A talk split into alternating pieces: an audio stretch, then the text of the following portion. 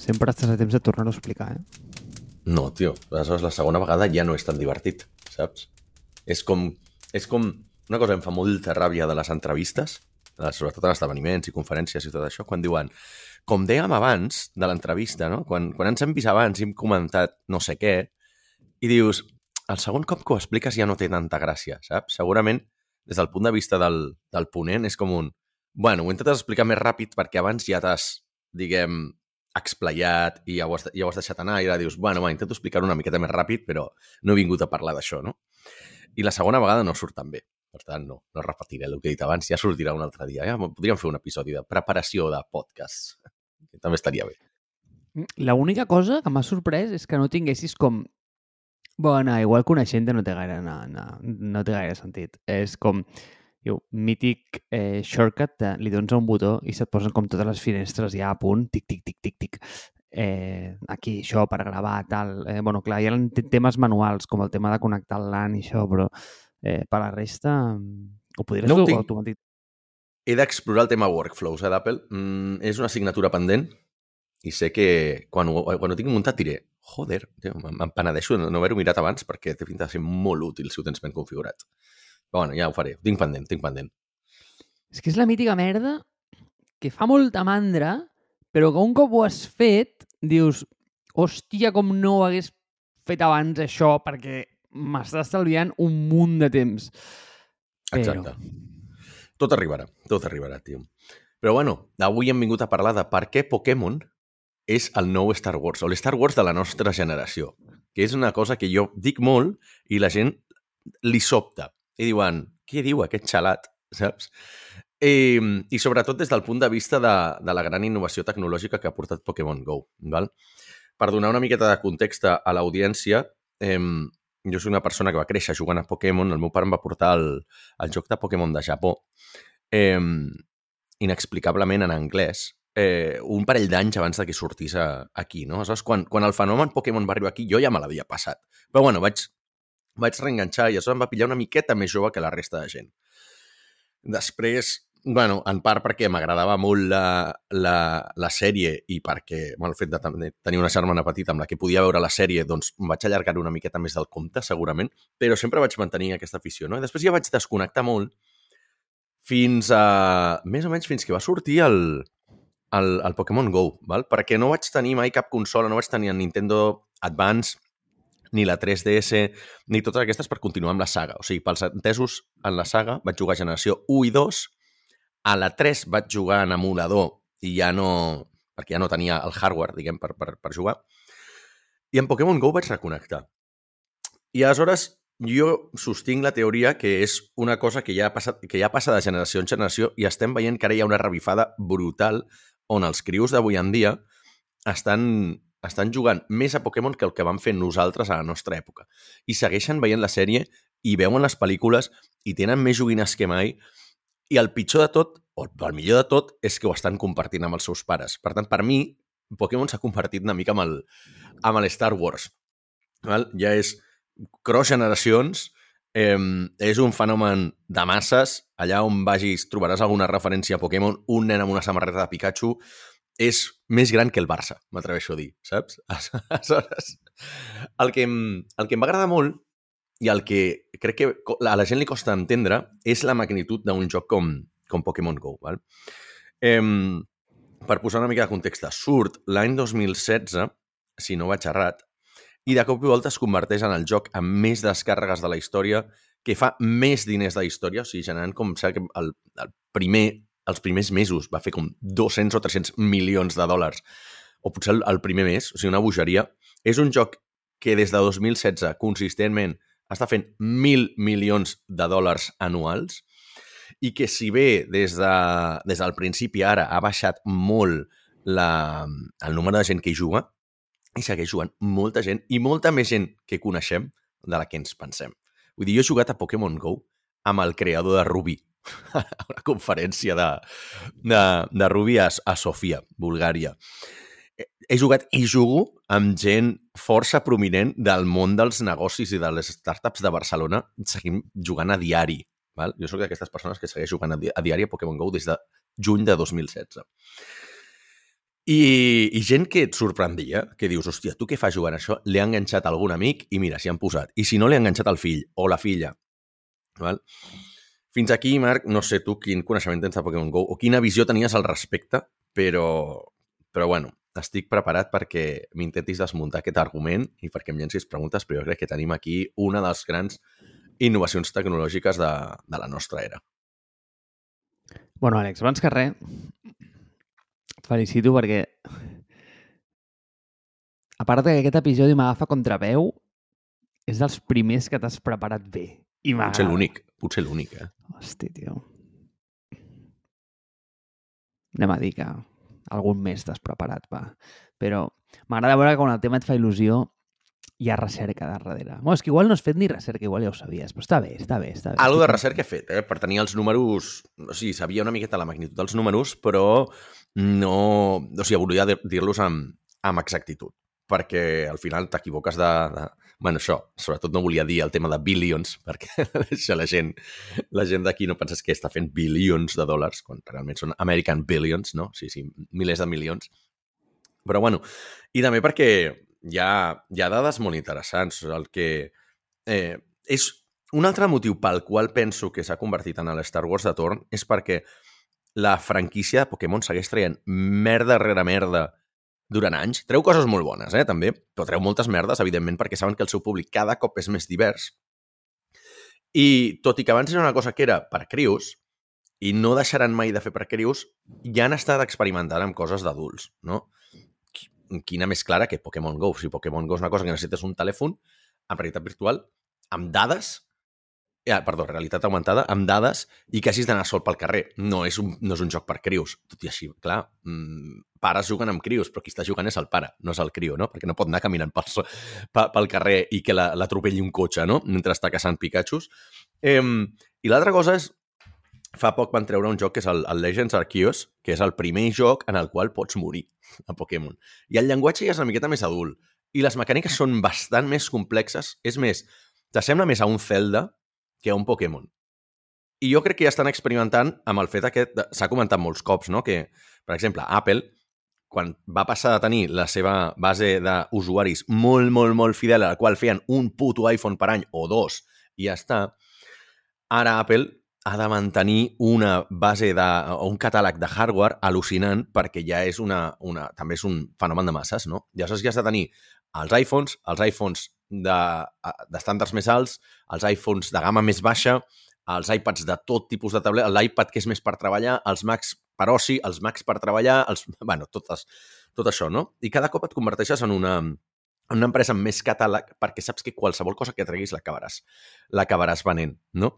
I, I per mi també és un altre, de la, de, un altre dels arguments a, a favor del, de, la meva, de la meva hipòtesi. Val? Tot i així, el que és, trobo més curiós és que l'empresa que està darrere de Pokémon GO no és una empresa ni japonesa ni és, ni és Nintendo. Val?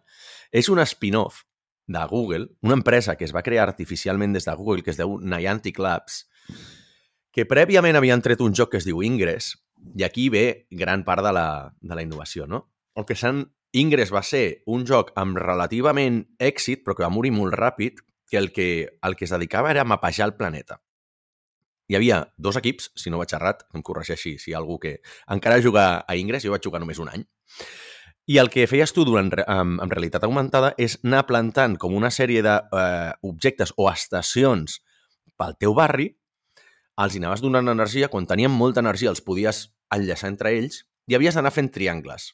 I aquests triangles quan feies un triangle, ningú podia plantar una estació entre el triangle. Llavors, es va arribar a fer de magnitud tal que va haver-hi alguns flipats que van aconseguir fer un triangle entre tres països. I aquí sí que això no ho he buscat perquè aquesta part no me'n recordava, però crec que era entre Dinamarca, Suècia i Gran Bretanya van fer un triangle brutal. O, oh, clar, i els jugadors de dintre d'aquests països no podien seguir jugant perquè els havien trolejat d'aquesta manera, no?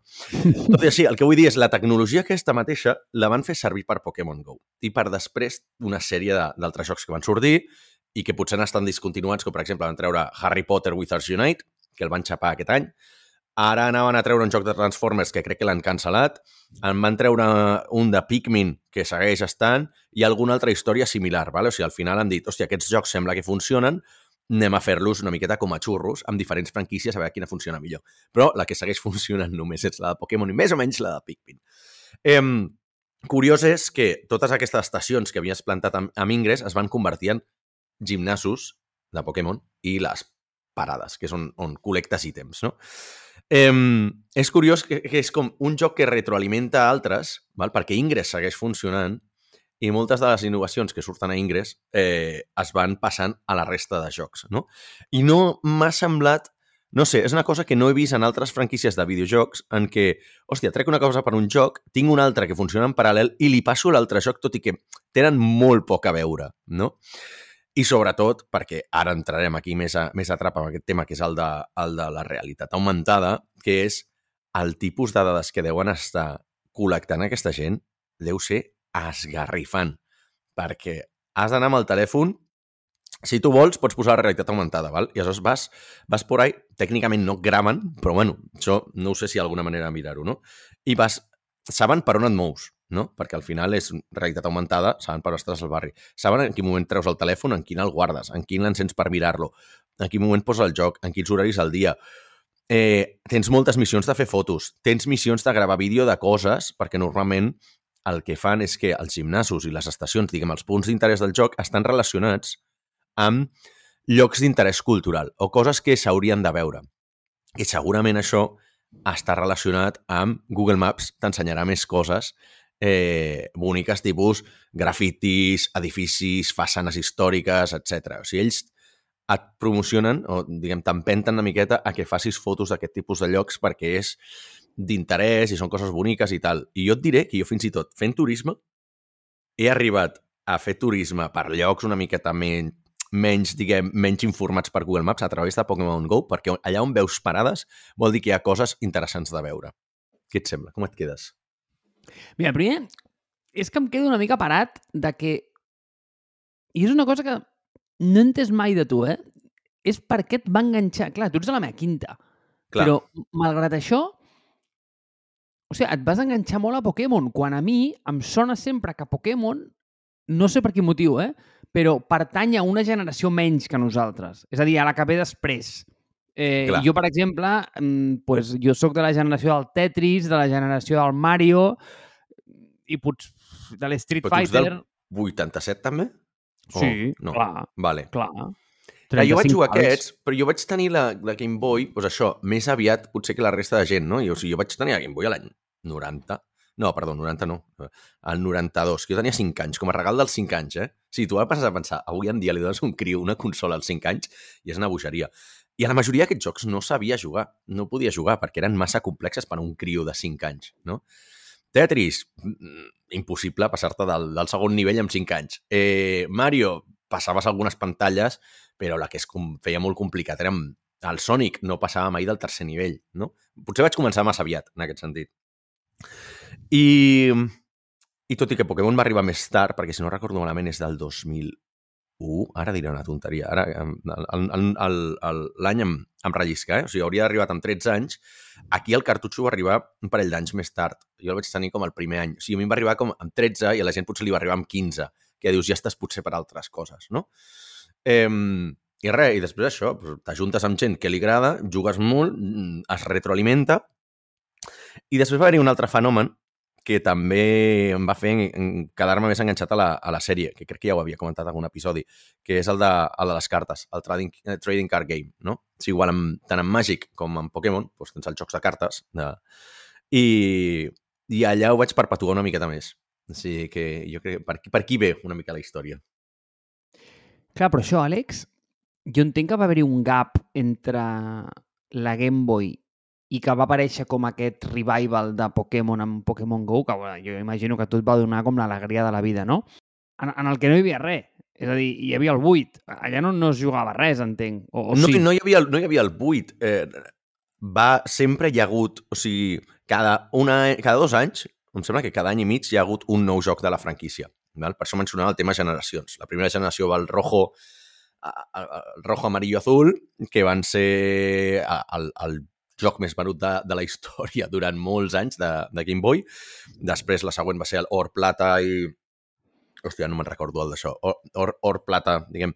I després cada any doncs, han anat traient una, el que se'n diuen les generacions. Jo havia jugat a les, a les dos primeres a la Game Boy i a la tercera no vaig jugar a la Game Boy perquè no tenia el hardware. Feia falta la, la Nintendo Advance, crec que era, no?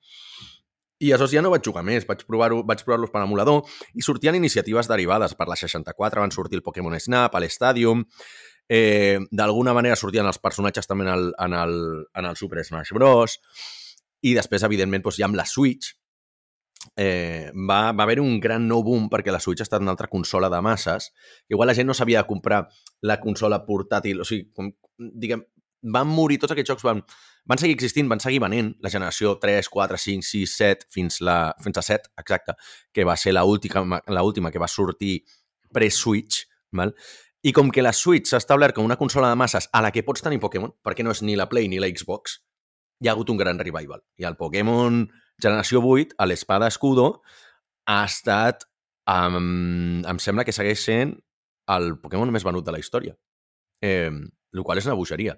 En part per als, tots els jugadors que han recuperat per Go i en part perquè ho han fet amb una consola de característiques de consola de masses, de consola que pots jugar a casa i la pots tenir en portàtil. És com si haguessin tret un per la Play, bàsicament. T'estic entrevistant avui, eh? Ja veig, ja. No, bueno, avui sóc jo l'expert en la matèria, al contrari que els altres dies.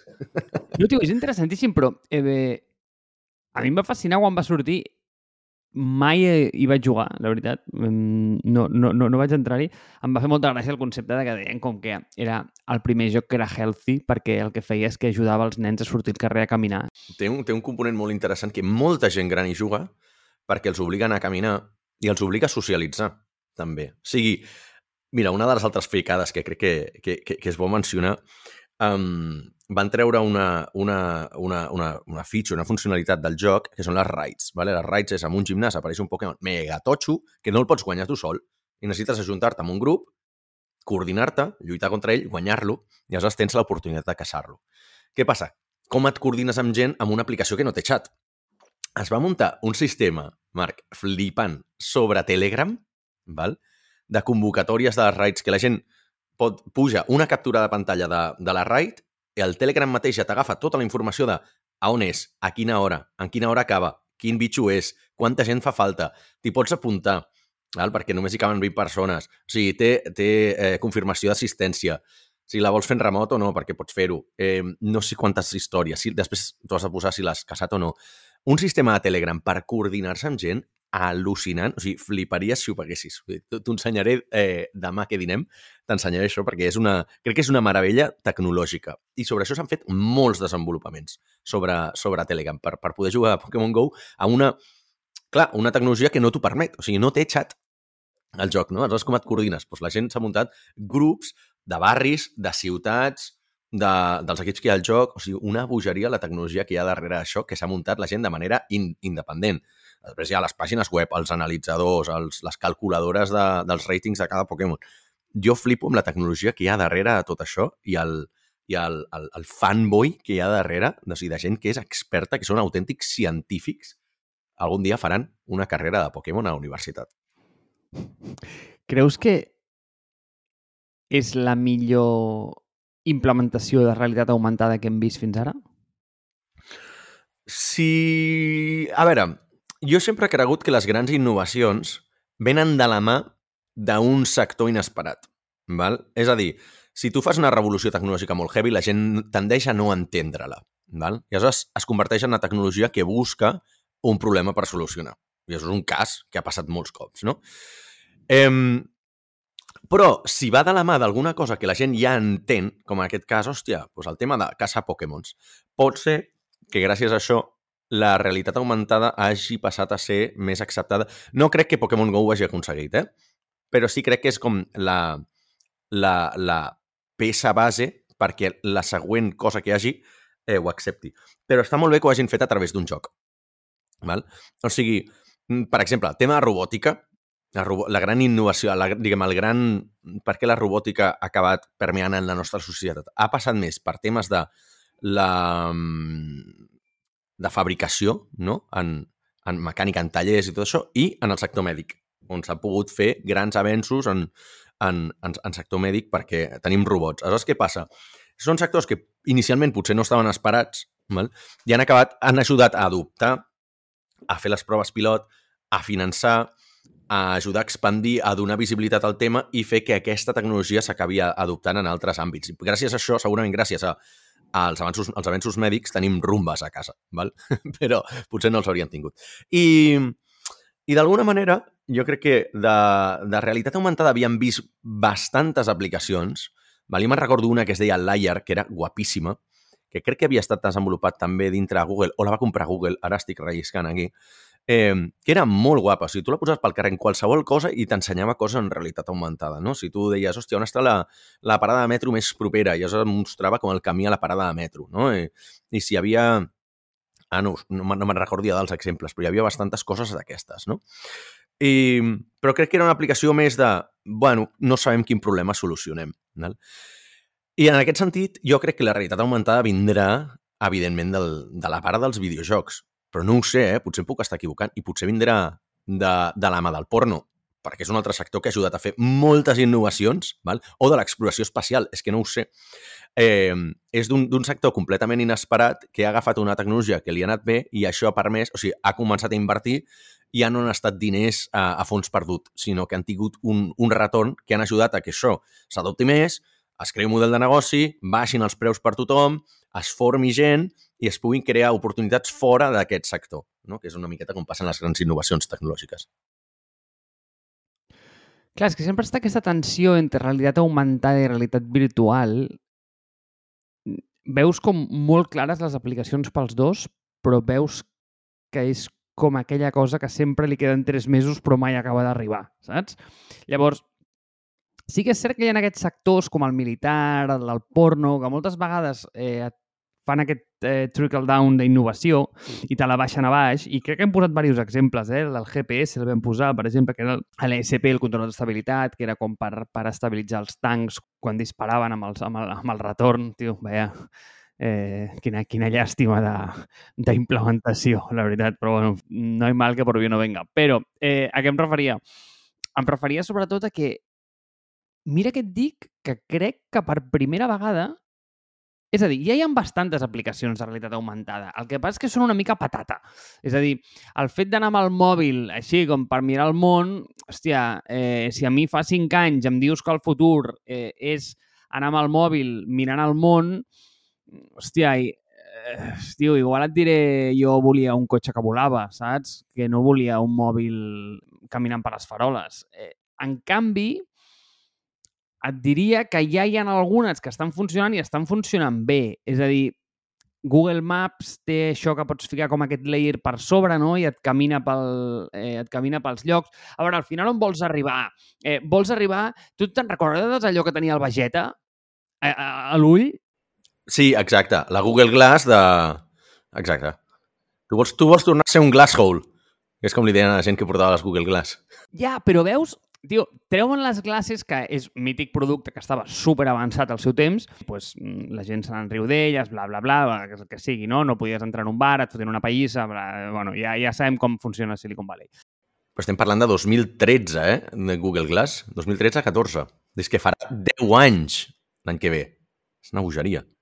Exacte, però què passa? Que el que passa és que després agafes i dius, hòstia, eh, això té bones aplicacions en el món de l'empresa, per exemple. I crec que per primera vegada, en lloc de venir del sector del porno, que igual també, eh?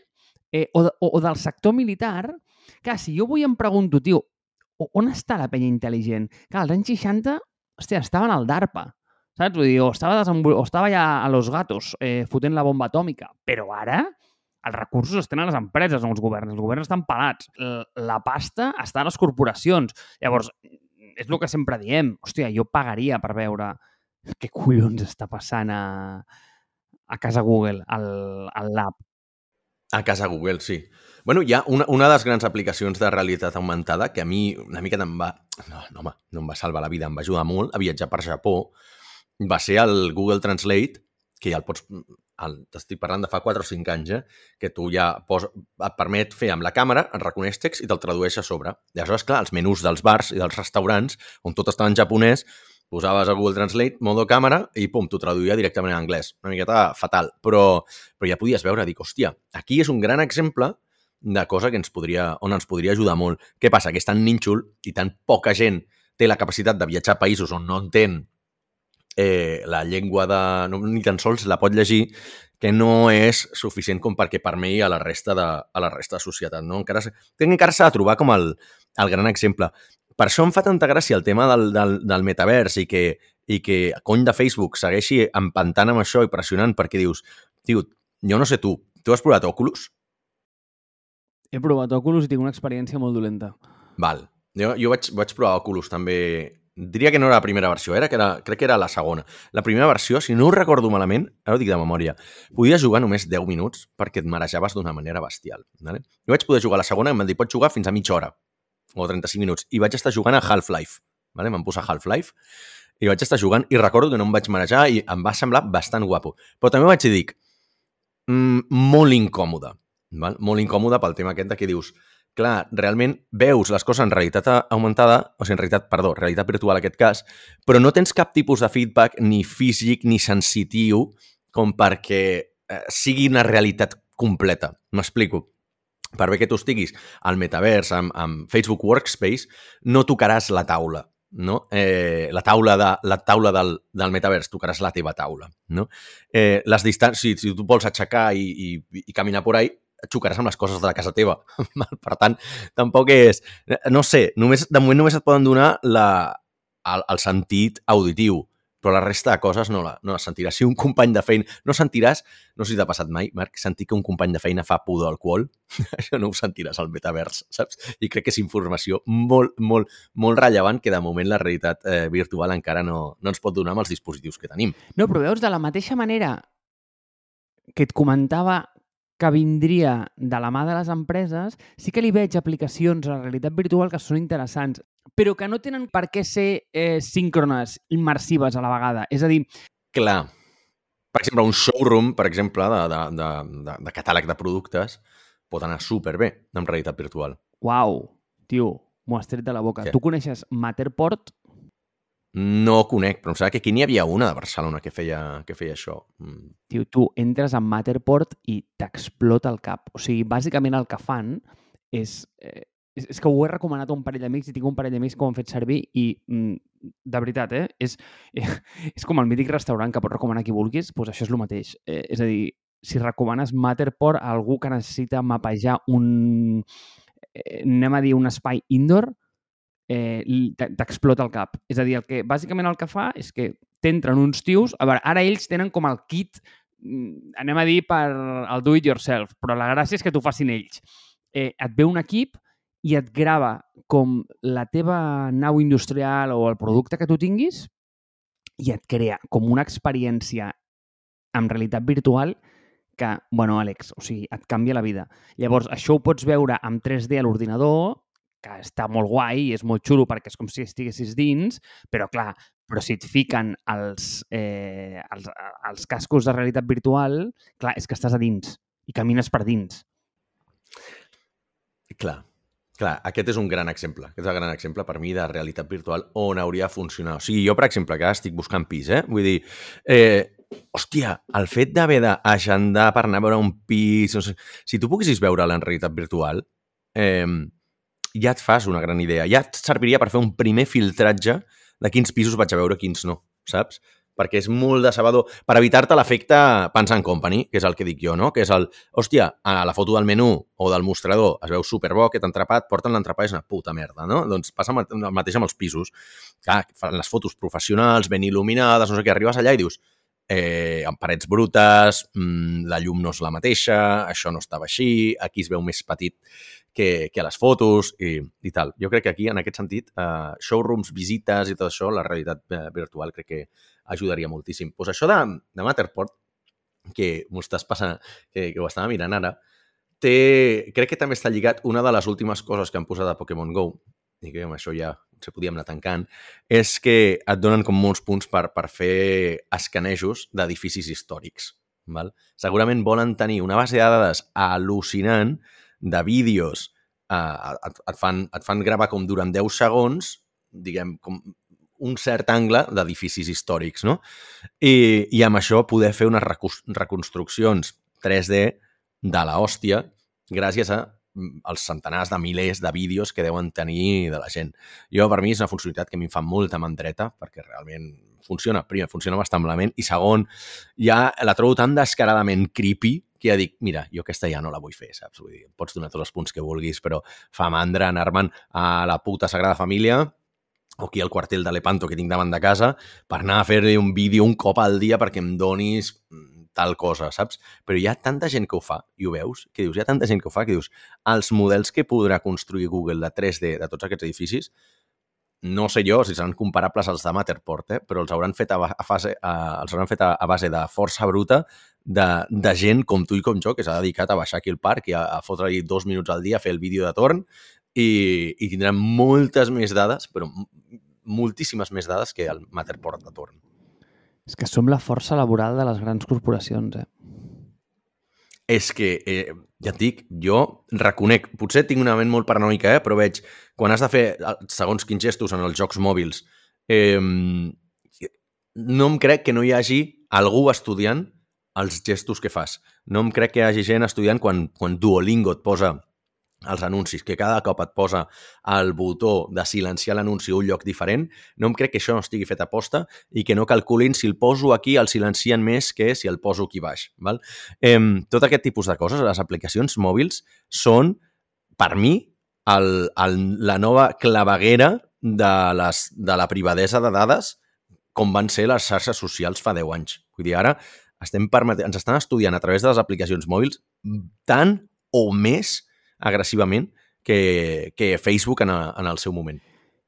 inclús, és que això et dona per un episodi sencer, eh? però si et vols posar distòpic i vols veure com el futur de l'educació, per dir alguna cosa, o, o inclús dels, dels, dels currículums, Vitae, si tu tens un escenari en el qual mous tota la fase d'aprenentatge online, és a dir, en un Zoom, en lloc d'estar en una classe, i tens la teva cara faci... o sigui, tens els teus gestos facials gravats i estudiats per com, computats per una màquina, és que tens com tot el teu trac de com reacciones a les coses, però al mil·límetre. És a dir, en una entrevista de feina et poden dir hòstia, eh, quan vam tocar el tema de... m'ho invento, eh? Del racisme, com és que vas arrufar una mica el nas? Exacte. I, igual no t'ho poden preguntar però implícitament es pot computar i llavors allò ja tens clic, un data point. Hòstia, aquest tio té com un puntet més de racista, saps? Jo què sé, per alguna no? O, o de que no li, no li va fer gràcia aquest tema. Eh, o jo què sé, o quan algú fa una pregunta i contestes d'una manera agressiva, ah, tio, tio, tio, tio, et pujo un puntet al dial d'agressivitat. I tu vas entrevistar-te en un, m'ho imagino, en algun lloc i és que la simetria d'informació ha de ser brutal. Ells tenen més info que tu de tu. Exacte.